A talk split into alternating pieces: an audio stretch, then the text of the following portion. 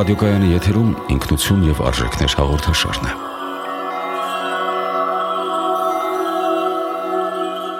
Ողջույն սիրելի ունկնդիրներ, Վեմ ռադիոկայանի եթերում ինքնություն եւ արժեքներ հաղորդաշարն է։ Տաղավարում են Վարդան Սարգսակյան Ասլանյանը եւ Տեր Մեսրոպ Քահանա Արամյանը։ Օրնեցեք դրեր։ Աստված օրհնի։ Ձեզանից շատերը հավանաբար տեղյակ են արդեն, որ Armenia հերոստանգերությունը հերարցակում է այբ համայնքի նախաձեռնությամբ ստեղծված եւ Վեմ ռադիոկայանի կողմից իրականացվող համանուն տեսա հաղորդաշարը, որն արդեն իսկ ծավալուն հանրային քննարկման սկիզբ է դրել, ձեզ ներկայացվող այս նոր հաղորդաշարն ըստ էության հերոստահաղորդման ռադիոմեկնաբանությունն է, բնականաբար համապատասխանեցված ֆորմատով, ինչը թույլ կտա ինքնության եւ արժեքների շուրջ այս համակողմանի զրույցների մեջ ներգրավել նաեւ մեր ռադիոընկերների մեծ լսարանը։ Տերեր, խնդրում եմ ներկայացնեք ինքնություն եւ արժեքներ նախագծի ստեղծման անհրաժեշտությունը եւ թե հայաստանյան իրականության մեջ այս վերջին շրջանի հատկապես որ իրադարձությունները դրթապաճառ դարձան, որ เป զի գաք այս գաղափարին այս հաղորդաշարն իրականացնելու։ Ընդհանրապես պետք է ասել, որ ինքնության եւ արժեքների, հա, քո սրբությունների խնդիրը միշտ էլ ուզել է մարդուն, այսինքն բոլոր ժամանակների համար ինքը շատ ակտուալ է։ Ով ենք մենք եւ ինչի վրա է մեր կյանքը կառուցված, ինչ հիմքի վրա է այն դրված։ Սրանք մեծ հարցեր են, ֆունդամենտալ հարցեր են եւ կարծում եմ, որ բոլոր մարդիկ գիտակցաբար կամ անգիտակցաբար փնտրում են այս հարցերի պատասխանները եւ նաեւ այս հարցերի պատասխանները շատ կարեւոր են հավաքական ինքնության տեսանկյունից, ազգային ինքնության տեսանկյունից եւ այլն։ Բայց նաեւ պետք է ասել, որ ժամանակակից աշխարհում շատ ծրված է իրավիճակը եւ կան ուղակի սպառնալիքներ ուղված մարդկային ինքնության, դարերով ձևավորված բարոյական արժեհամակարգի դեմ շատերը այս դարաշրջանը անվանում են արժեքային ջրհեղեղ իրավացիորեն, որտեվ իսկապես ջրհեղեղի պայմաններում ենք մենք գործում եւ տարբեր պատճառներով է այդ ջրհեղեղը ձևավորվել եւ ըստ էության արդեն դարձել է անկառավարելի։ Մյուս կողմից այս ժամանակաշրջանը նաև ինքնության խորագույն ճգնաժամի ժամանակաշրջան է, եւ փորձում են ինչ որ առումով մարդկությանը կամ նոր ինքնության ձևաչափեր պարտադրել կամ ընդհանրապես խլել նրանցից այն, ինչը դարերով համարվել է որպես սրբություն, որպես կարևորագույն ավանդություն մարդկանց համար, իմաստություն եւ այլն եւ այլն։ Պատահական չի, որ ժամանակաշրջանը այս նաեւ կոչվում է հետ ճշմարտության ժամանակաշրջան այսինքն մի պահ կար, որ բնորոշվեց post virtue, այսինքն հետ առաքինության ժամանակաշրջան, երբ սկսեցին, այսպես ասած, լայնորեն շրջանառության մեջ դրվել, որ արդեն այդ առաքինության գաղափարը, բարոյական կատարելության գաղափարը հնամաշ է։ Պիտի անես այն ինչ որ ուզում ես, դու ես որոշում, ինչն է բարոյական եւ ինչը բարոյական չէ։ Եվ դա հանգեցեց շատ խորը ճգնաժամի։ Հիմա արդեն եկել է մի շատ մանիպուլատիվ ժամանակաշրջան, ահրելի ճնշում է գործադրվում մարդկային գիտակցության վրա եւ դրա հիմնական, այսպես ասած, թիրախը ճշմարտության զգացողությունը մարդուց խլելն է։ Որպես կարևոր չի ընդհանրապես ճշմարտությունը եւ ոչ մի հեղինակություն գոյություն չունի այդ ճշմարտության սահմանման հարցում դու ես որոշելու ընդհանրապես ճշմարտությունը ինչ է կամ ինչ որ մի խումբ մարդիկ են որոշելու ասելու են այս ճշմարտությունը ինչ է հետո իրենց այսպես ձևակերպած ճշմարտությունը պարտադրելու են ուրիշներին եւ այլն եւ այլն եթե մարդը պիտի որոշի ինչ է ճշմարտությունը ինչ է իմաստությունը ինչ է արժեքը ինչ է սրբությունը եւ չկան ընդհանրապես հեղինակություններ եւ մի կողմ պիտի դնի դարերով կൂട്ടակված մարդկային ճանաչողությունը, փիլիսոփայությունը, արժեհամակարգը եւ այլն, Ես մոտարապես պատկերացնում եմ այդ մարդը որտեղ կհայտնվի վերջում։ Դա տանելու է լիովին հոգեկան խանգարման։ Բացի դրանից, նաև հիմա այլ մարտահրավերներ են ի հայտ եկել կապված արհեստական բանականության զարգացումների հետ։ Շատ բաներ արհեստական բանականությունը ակնհայտ է, կարող է ավելի լավ անել, քան մարդը։ Եվ վերջո ինչ է սպասվում մարդուն։ Արդյոք մարդը դառնալու է մի դեֆեկտավորված կոմպյուտեր համարվելու է որ կոմպյուտերները ավելի լավ են անում եւ կարող են իրենց այնպես ծրագրավորել, որ իրենք որևէ բարոյական շեղում էլ չտան մեր ընդունված նորմերին համաձայն։ Հետևաբար հարցը առաջանում իսկ ինչի է պետք մարդը։ Միգուցե պետք է ազատվել այդ մարդուց։ Թափես ինչի համար պահենք մարդկանց։ Նա այսպիսի նաև մարտահրավերներ են առաջանում, հիմա շատ լայնորեն արդեն շրջանառության մեջ է դրված chat GPT-ին, որը դեռևս անպատրաստ վիճակում շատ ընկերություններ ունեին համանման տեխնոլոգիաներ, Google-ը եւ այլ ընկերություններ, բայց այսպես անպատրաստ առանց հաշվի առնելով բարոյական եւ մնացած այլ խնդիրները, մորալ խնդիրները, էթիկական խնդիրները կապված լինել դրանց հետ,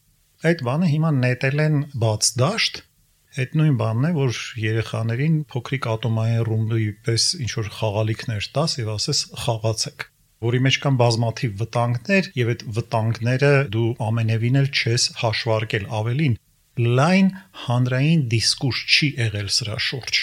Սա մասնագիտական խնդիր չի, որ ինչ-որ մասնագետներն ինչ-որ բան որոշեն։ Խոսքը ըստ էության գնում է մարդկության ապագայի մասին, Եվ ամենակարևոր խնդիրների մասին ինչ է լինելու մեզ այդ ով ենք դառնալու մենք, արդյոք մենք ուզում ենք այդպեսին դառնանք կամ այդպիսի կյանքի մասնակիցներ լինել։ Ահա այս բոլոր զարգացումները միանգամայն ակներև են դարձնում, որ այսօր ինքնության եւ արժեքների քննարկումը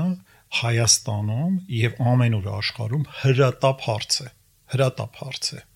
Եվ պատահական չի, որ այսօր ամենաակտիվ քննարկման թեմաներից մեկն է աշխարհում։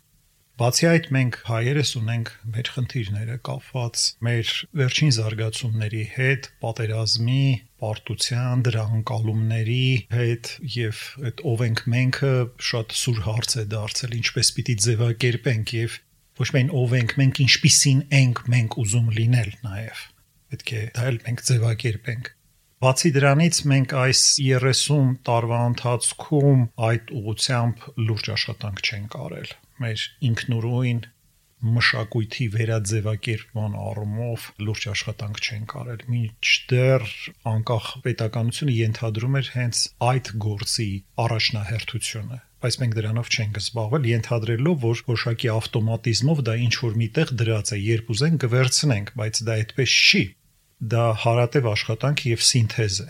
Բացի դրանից նույնիսկ ավելի երկարատև ժամանակաշրջան, սկսած Օսմանյան տիրապետությունից, վերջացրած Սովետ միությամբ եւ այլն եւ այլն, մենք ըստ էության տարբեր մշակույթների մեջ ենք ապրել, տարբեր մշակույթներով ենք մեր հարաբերություններն իրար հետ ճշտել եւ կարգավորել պահպանել ենք հոգևոր, ազգային, ենթամշակութային տարեր կամ ինչ որ փոքրիկ համակարգեր, բայց ոչ ամբողջական Հետևաբար մենք նաև վնասված ենք այդ տեսանկյունից, որ մենք այլ համակարգեր ենք օգտագործել եւ ինչ որ առումով չենք անդրադարձել, որ անկախության համար անհրաժեշտ է քո առանցին համակարգը ունենաս, ձևակերպես այդ համակարգը եւ ավելին դա քո անկախության հիմքն ու երաշխիքն է։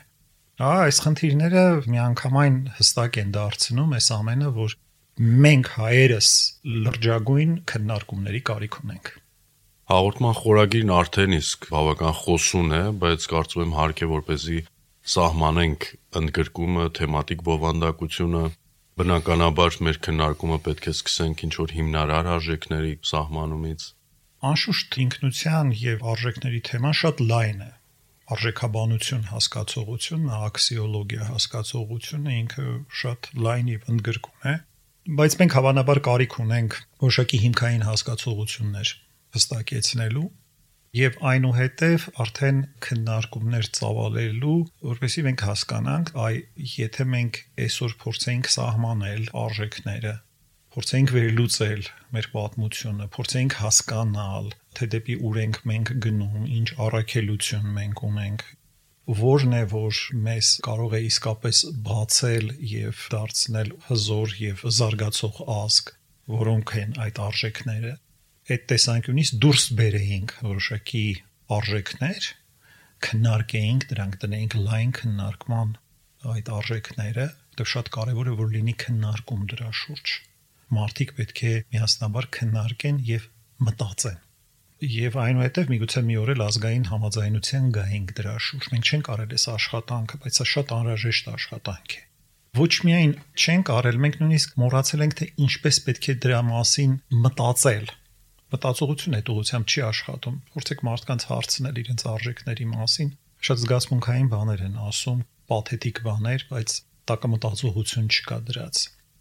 Ես որպես նպատակ այս քննարկումների գտնեի հետեւյալը, որ սա ոչ թե ինչ որ մի բան է, որ մենք գիտենք ու ուզում ենք մարդկանց պարտադրել։ Ոչ մենք փնտրում ենք։ Մենք փնտրում ենք, մենք ուզում ենք մտածողություն ձևավորել, քննարկման հարթակ ձևավորել, իրար հետ խոսել, զրուցել, մտածել, փնտրել։ Որտեվ միայն այդ դեպքում է, որ մենք կարող ենք գտնել, ով չի փնտրում, չի գտնում ով չի մտածում չի գնում դեպի ճանաչողություն, ինքը ճշմարտությանը չի հասնում։ Ուրեմն այստեղ ճիքու ջանք է պետք։ Կուզենայի, որ սա լիներ լայն քննարկման առարկա, որպեսզի մենք դա դուրս բերենք։ Բացի դրանից, երբ որ մենք ասում ենք ինքնություն, ինքնություն ասելով մենք ինչ ենք հասկանում, այդ ինչ առանցք է։ Ով ենք մենք կամ ով եմ եսը։ Ինչ հասկացողություն է։ Ինքը հարաբերական է, ոնց ուզեմ կարող եմ փոխել, թե իր մեջ կա մնայունը, ամփոփողը, հավիտենականը։ Սա զուտ ժամանակավոր իրողություններով պայմանավորված մի բան է, թե դեպի հավիտենականություն գնացող ինչ որ մի բան է։ Համաձայն Աստվածաշնչյան պատկերացումների Եք մարդը Աստծո պատկերն ու նմանությունն է, իսկ ինչ է նշանակում այդ պատկերը եւ նմանությունը։ Եվ արդեն ազգերը տեսանկյունից ինչ են կրում, ինչ պատկեր եւ նմանություն են իրենց մեջ կրում։ Արդյոք դա փոփոխման ենթակա է, ես կարող եմ որոշել, թե իմ ինքնությունը որն է, այսօր վաղը որոշեմ, որ ես մեկ այլ ինքնություն ունեմ։ Թե դրա մեջ կա մնայունը, օրինակ ես կարող եմ իմ գենետիկ համակարգը փոխել, կենսաբանական համակարգը, չեմ կարող։ Դա ունիկալ կոդ է, որ ես ունեմ։ Կան այդպիսի ունիկալ հոգևոր կոդեր, թե գոյություն չունեն Ես իհարկե չեմ ասում, որ ինքնության կոնտեքստի մեջ փոփոխություններ հնարավոր չեն։ Հնարավոր են։ Հնարավոր են ինքնության նոր ձևերի նույնիսկ առաջացում ըստ էության ցանկացած մարդկային խումբ, որ որոշակի արժեքներով միավորվում է, նույնիսկ որոշակի ասենք աշխատանքային միավոր է ստեղծում կամ դպրոց է ստեղծում կամ ինչ որ մի շարժում է ստեղծում, ինքը ասոցացվում է դրա հետ եւ դա դառնում է իր ինքնության ինչ որ չափումներից մեկը։ Մենք կարող ենք նոր ինքնության ինչ որ չափումների մեջ մտնել բայց դա ունի առանցք թե չունի եւ սա շատ կարեւոր քննարկման թեմա է ես կարծում եմ որ մեր առաջիկա քննարկումները նվիրված են լինելու այս հարցերին Եվ ես կարող եմ ասել, որ եթե մենք այստեղ դուրս բերենք որոշակի արժեքներ, որոնց վրա որ մենք կհամաձայնվենք հիմնել մեր ազգային կյանքը, դա կլինի մեծագույն ձեռքբերում, եթե հստակություն մտցնենք այն հարցում, թե ով ենք մենք եւ ինչ առաքելություն ենք իրականացնում եւ ինչ տեսլական ունենք, սա չափազանց մեծ խնդիր կլուծի մեր ազգի համար։ Եվ իհարկե նաև չմոռանանք մարդուն, որ այստեղ էս ամեն ինչի մեջ միայն մենք, մենք, մենք չենք, մարդը շատ կարևոր է։ Այ մարդ այդ ամեն ինչի մեջ վերջո հասնելու է երջանկության թե ոչ, գտնելու է ճշմարտությունը թե ոչ, որտեվ այդ ամեն ինչի արդյունքում մենք դրան պիտի հասնենք, դա պիտի իջեցնենք մարդու մակարդակի։ Մարդուն տանք ինքն իրեն ճանաչելու, ինքն իրեն վերլուծելու, ինքն իրեն հասկանալու որոշակի գործիքներ մտածողություն փոխանցենք մարդուն, որպեսզի մարդը կարողանա վերլուծի եւ հասկանա թե ինչն է իր համար կարևորը եւ ինչու է ինքը դա կարևորում։ Ես ձեր խոսքերից հետեւյալ մտքերը կարտածեի, ստացվում է փաստորեն, որ մարդու ինքնությունը սահմանվում է հենց արժեքների միջոցով։ Մարդն իբրև անհատ, մարդն իբրև երկրի քաղաքացի, իբրև աշխարհի քաղաքացի, այդ բոլոր ինքնութենական հարցերը սահմանվում են հենց մարդու դավանած ու նրա կրած արժեքներով։ Եվ բնական է, որ այս հաղորդման շրջանակներում մենք խոսելու ենք եւ համամարտկային եւ ազգային արժեքների մասին։ Բայց փաստ է, որ ազգերը ունեն մի փոքր այլ ճանապարհ, քան ընդհանուր համամարտկային ճանապարհը, ունեն այլ ազգային խնդիրներ, նպատակներ, երազանքներ։ Խնդրում եմ խոսեք Տեր հայր մեր հայ ազգային ինքնության առանձնահատկությունների մասին, որովհետև մեր պատմությունը, մեր ազգի անցած ուղին արդեն որոշակի յուրահատկություն է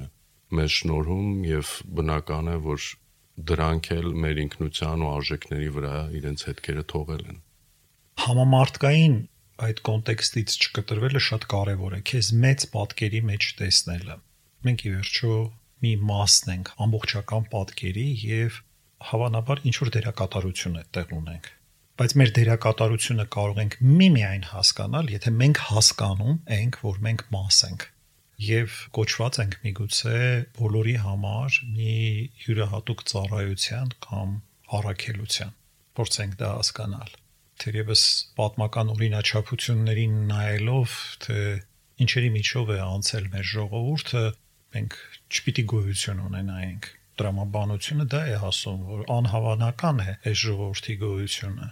այսպիսի սարսափելի ցնցումների միջով անցնելով ինչպես ենք մենք կարողացել մնալ հասնել այս դարաշրջան երևի ինչ որ նպատակ կամ այս հետ կապված եթե մենք չենք ուզում աստվածացնել պատահականության այդ երևույթը որ պատահականությունը կարող է ամեն ինչ անել ուրեմն ինչ որ իմաստ կա դրա մեջ մենք ունենք հավանաբար մեր առաքելությունը իհարկե երբ մենք խոսում ենք արժեքների մասին պետք է հիշել որ այդ արժեքները համամարտկային են այնպես չի որ ինչ որ ազգ հայտնագործել է շատ յուրահատուկ մի արժեք, որը որևէ մեկը չունի, հա, սերը բոլորի համար արժեք է, հավատարմությունը բոլորի համար արժեք է, արիությունը բոլորի համար արժեք է։ Չկա որևէ քաղաքակրթություն, որը փառաբանում է վախկոտ մարդուն կամ դավաճանին։ Բոլորը եկել են որոշակի պատկերացումների, թե ով է մարդը։ Եվ Եթե մենք ուզում ենք նկարագրել, թե ինչպիսի արարած է մարդը, մենք այդ մարդուն նկարագրում ենք որոշակի արժեքներով եւ պահարակում ենք որոշակի չարժեքներ, հա, օրինակ ասենք պահարակում ենք եսապաշտությունը եւ գովաբանում ենք նվիրումը։ Համամարտկային են այդ ամենը։ Բայց պետք է ասել, որ արժեքների այն համախումբը, որի վրա հատկապես շեշտադրում է կատարում որևէ ազգ, այ դա ունիկալ է ամեն մեկը ընտրում է եւ իր միջով անցկացնում է եւ նոր իմաստ է հաղորդում այդ արժեքներին։ Եվ ամեն մի ազգի ճանապարհը այդ տեսակետից եզակի է իրադարձություններով, տարապանքով, ինչ գին է ինքը դրա համար վճարում։ Որտեղ կարող է մի բան քեզ համար դու համարես որ արժեք է, բայց առանձնապես դու դրա համար չես վճարել Եթե մի բանի համար չես վճարել, դա շատ արժեքավոր չի քեզ համար։ Ազգեր կան, որ ինչ որ բաների համար շատ թանկին են վճարել։ Հետևաբար այդ արժեքը շատ ընդգծված է իրենց ազգային կյանքում։ Այ դրանք գտնելը եւ այդ տեսանկյունից հասկանալը, թե որ ազգը ինչ է ներկայացնում, հա, իր արժեքներով, չափազանց կարեւոր է։ Գալով մեր հայկական իրականությանը պետք է ասել, որ Իհարկե մենք ունենք մեր ցակումնաբանության մասին նախ որոշակի պատկերացումներ եւ դրանք շատ հետաքրքիր պատմություններ են, ոմանք դա անվանում են առասպել մտածելով, որ առասպելը թերի պատմություն է, բայց իրականության մեջ առասպելը ավելին է, քան փաստագրությունը, որտեվ առասպելը քեզ հոգի է տալիս, թևեր է տալիս, քեզ վերափոխման հնարավորություն է տալիս, փաստերը հետո գալիս են սпасարկելու առասպելներին Առասպելը շատ խորը բան է, այդտեղ քո հավաքական հավատքն է արտացոլված։ Քո վերափոխման ուժը մենք ունենք մեր ցակումնաբանության մասին որոշակի պատկերացումների շնորհիվ Մովսես Խորենացու պատմության պատահական չէ որ նրան մենք պատմահայր ենք անվանում որովհետև նա մեր ցակումնաբանությունը տարել հասցրել է մինչև աստվածային տիրույթ ինչպես օրինակ հрьяաները գիտեն իրենց ցակումնաբանության մասին ուրեմն մեր ձևավորումը որպես ազգ հայկի պատմությունը հայ ազգի հիմնադրումը այդտեղ շատ խորը բաներ կան ուսումնասիրելիք, որովհետեւ հասկանանք, թե մենք ոնց ենք սկսել որպես ազգ գործել, ինչն ենք կարևորել եւ այդ ամեն ինչից ինչ արժեքների համախումբ է բխում։ Անշուշտ քրիստոնեությունը որպես առաջինը ընդունած ժողովուրդ դա նույնպես խորը ուսումնասիրելու կարիք ունենք ինչ էր նշանակում որ մենք առաջինն ենք ընդունել քրիստոնեություն նախ ինչու ենք առաջինը ընդունել եւ հետո եթե ընդունել ենք դրանից ինչ է բխում ոչ թե պարզապես մեծ-մեծ խոսենք որ առաջինը քրիստոնեությունն ենք ընդունել այլ ինչ է դրանից բխում որ մենք ինչպեսին պետք է լինենք իհարկե եթե մեր ինքնության տեսանկյունից դիտենք ապա սրբոց թարգման շատ շարժումը այն ինչ որ սկսեցին 5-րդ դարում եւ այնուհետեւ շարունակվեց նույնիսկ իր հոգևոր ժառանգականության առումով մինչև մեր օրերը եւ պահպանեց մեզ որպես ազգ,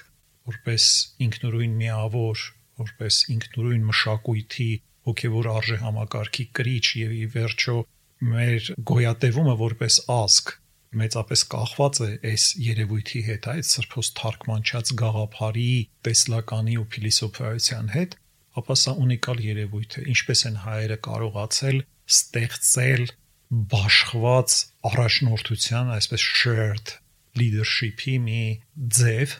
որը հիմա ամենակենսական ձևերից մեկն է աշխարհում, կարողացել են դրա տակ դնել հզոր կրթական համակարգ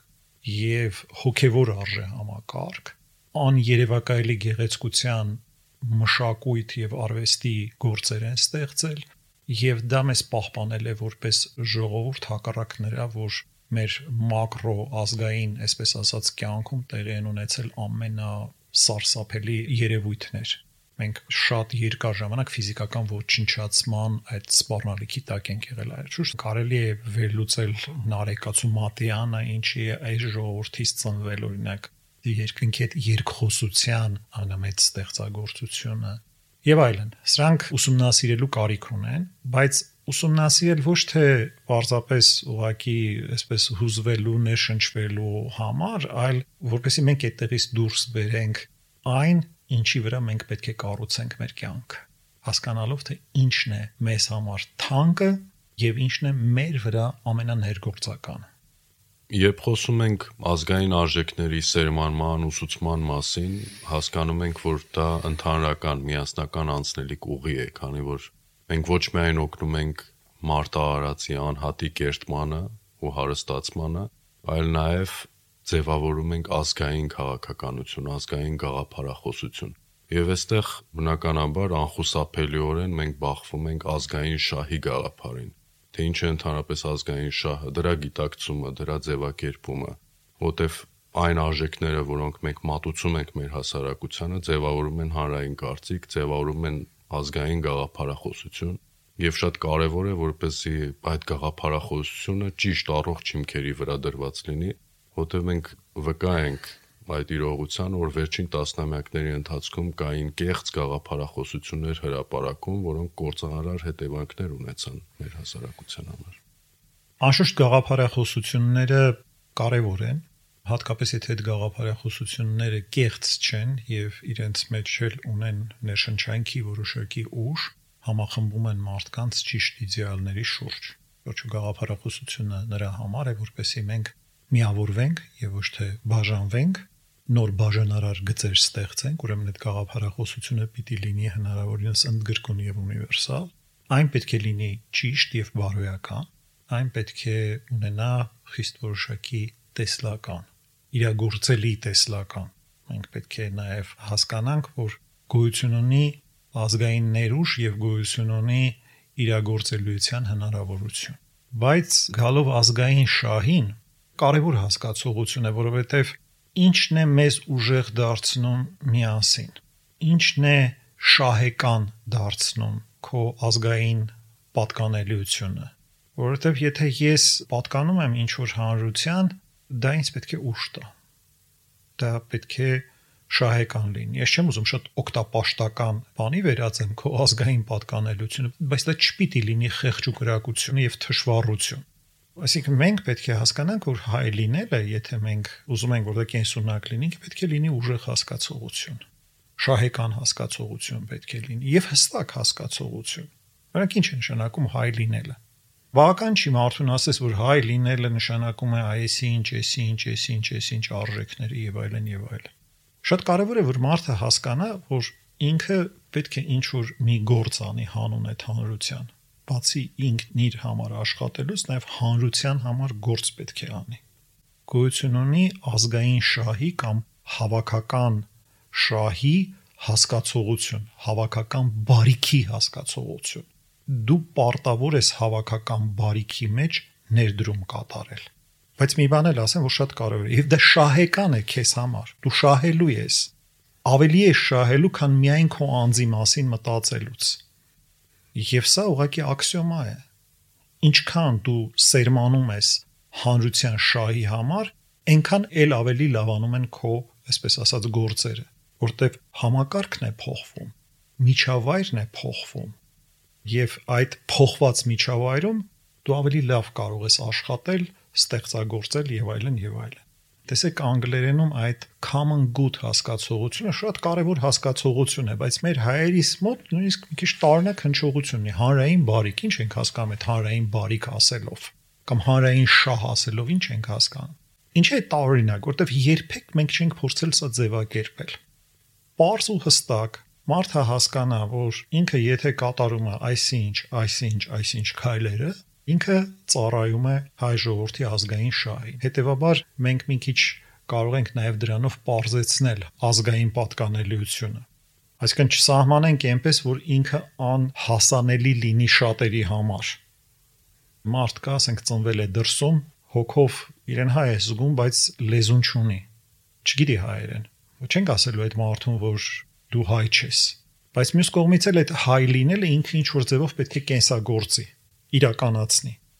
Երբ հստակ ձևակերպված է այդ ազգային շահը եւ մարդը կարող է ծառայել այդ ազգային շահին, որոշակի գործողություններ կատարելով, դա շատ դյուրացնում է այդ գործը։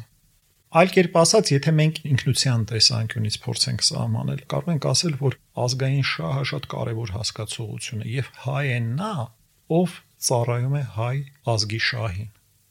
Կարող են լինել շատ հայեր, որոնք չեն ծառայում այդ շահին, իրենք այլ շահերի են ծառայում։ Հետևաբար այդ մարդու ազգային պատկանելությունը ինչով է արտացոլված։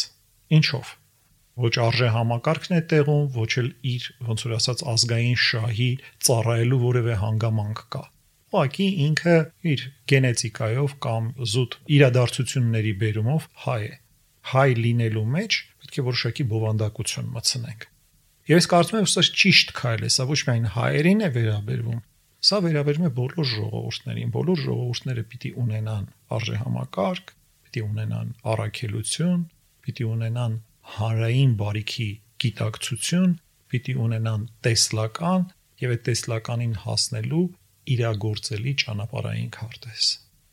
Տեսլականի մասին խոսելով դեր մենք հաճախ վկա ենք լինում դեպքերի, երբ ինքնության, ազգային արժեքների մասին խոսող մարդիկ զրույցը տանում են հասարակության կամ գործող ինստիտուտների քննադատմանը, փնովմանը, դա կառուցողական ճանապարհ չէ, կարծում եմ, եւ ներկան իրականում փոփոխելը շատ դժվար է փոփոխություն մտցնելը, նոր արժեքների սերմանումը դա ապագայի տեսլական է պահանջում եւ ինչ որ պերսպեկտիվ զարգացում։ Եվ կարծում եմ, քանի որ դուք երկար տարիներ արդեն իրականացնում եք կրթական գործունեություն, վերջիվերջո այս ինքնության ու նոր արժեքների սերմանումը դուք կարծում եմ դիտարկում եք որպես կրթական ծրագիր, որում հաջողելու ենք միայն նոր սերունդը նոր արժեքներով կրթելու ճանապարհով։ Բնականաբար խորքային փոփոխությունները հնարավոր են միայն կրթության միջոցով եւ դա երկարաժամկետ ծրագիր է։ Մենք անմիջապես չենք կարող փոխել մարդկանց գիտակցությունը։ Իհարկե շատ բան կարելի է փոխել, Սա պարզապես առաջնորդության հարց է, եթե լինի լավ առաջնորդություն, գիտակից առաջնորդություն, որը հասկանում է այս խնդիրները, ինքը կարող է մարդկանց մեջ փոխել վերաբերմունք։ Մարդիկ միգուցե ամբողջովին չդառնան այդպիսին, բայց իրենց վերաբերմունքը փոխեն այդ ամենի նկատմամբ։ Հասկանան գոնե, որ դա կարևոր է միգուցե իրենք չեն կարող դա մինչև վերջ իրականացնել իրենց կյանքում, որովհետև տարբեր սովորույթներ կան, ի վերջո հոգսեր կան, հազար ու մի բաներ կան, որոնց տակ հայտնվել է մարդը չի կարող լիովին ոնց որ դա իրականացնել իր կյանքում, բայց կարևոր են։ Կարևոր են այնքան, որ ուզենան, որ իրենց երեխաները այդպես կրթվեն, ճիշտ արժե համակարգով ձևավորվեն, կարողանան լինել կրիչները այդ ամեն ինչի ճիշտ առաջնորդությունը եւ այդ արժեքների քարոշչությունը կարող է անմիջական ազդեցություն ունենալ մարդկանց վրա եւ նրանց վերաբերմունքը փոխել։ Եվ այնուհետև իհարկե մարդկանց պետք է տալ լավ կրթության հնարավորություն։ Լավ կրթության բոլոր առումներով լավ կրթություն նշանակում է ամուր արժեքներ, բարոյականություն է նշանակում, որովհետև ամրություն ունեցող մարդը այս աշխարհում ոչ մի շանս չունի, ոչ միայն որպես հայ, որպես մարդ շանս չունի այսօր դուք ցանկացած տեղ գնացեք աշխարհում, որևէ լուրջ տեղ եւ փորձեք գործի անցնել։ Մի քանի բանի վրա հստակ նայում են նախ եւ առաջ ձեր արժեքային համակարգի վրա։ Որտեւ այդ ընկերությունները չարչարվել են տարիներով, որպեսի ձևակերպեն իրենց արժեքային համակարգը։ Կարելի ասել, որ բոլոր հաջողված ընկերությունները հասել են այդ ամենին նախ եւ առաջ նրա պատճառով, որ իրենք ունեցել են հստակ արժե համակարգ։ Կարելի է ուսումնասիրել եւ տեսնել դա դրա մասին ահագին գրականություն կա գրված։ Այսինքն նայում են ով ես դու որպես մարդ, ինչ գիտես, ինչ արժեքների կրիչ ես Այսինքն այսօր եթե մենք նայում ենք գիտական ուսումնասիրությունների վրա, թե որոնք են լինելու որոշիչ գործոնները ապագայի կրթության, բոլորը միաբերան խոսում են նրա մասին, որ կենտրոնում արժեքներն են։ Եվ մենք անշուշտ մեծ ուշադրություն ենք դարձնում դրա վրա։ Այսինքն այդ արժեքների փոխանցումը մարդու բարոյական նկարագրի կերտումը շատ կարևոր է։ Մյուս կողմից կրթությունը պետք է լինի որակյալ։ Այսինքն դու պիտի տաս իհարկե լավագույն կրթությունը մարդուն, որպեսզի մարդը իրագործվի, դա ճանապարհ է իրագործման այլապես դու այդ մարդուն խեղճուկրակության ու թշվառության ես դատապարտում։ Կրթությունը պետք է լինի ամուր բարոյական հիմքերի վրա, եւ այդ բարոյականությունը պետք է լինի գիտակցված եւ ոչ թե պարտադրված, այսինքն մենք պետք է սովորեցնենք մարդկանց արժեքների մասին մտածել եւ ձևակերպել իրենց արժե համակարգը ինքնուրույն մտածել, ոչ թե պարտադրել, եւ այդ կրթությունը պետք է լինի մրցունակ։ Մենք պետք է ուժեղ հայ մարդ կերտենք։ Առանց դրա ժամանակակից աշխարհում, մրցակցային աշխարհում շատ դժվար է լինելու գոյատևել։ Շնորհակալ եմ Տեր այս ներածական խոսքի համար։ Մենք կարողացանք այսպիսով ամփոփ պատկերացնել այս հաղորդաշարի տեսլականը, թե ինչ ակնկալիքներ պետք է ունենանք այս քննարկումներից։ Մենք ձեզ հրաժեշտ ենք տալիս ելյուն կնդիրներ կհանդիպենք Fem ռադիոկայանի եթերում։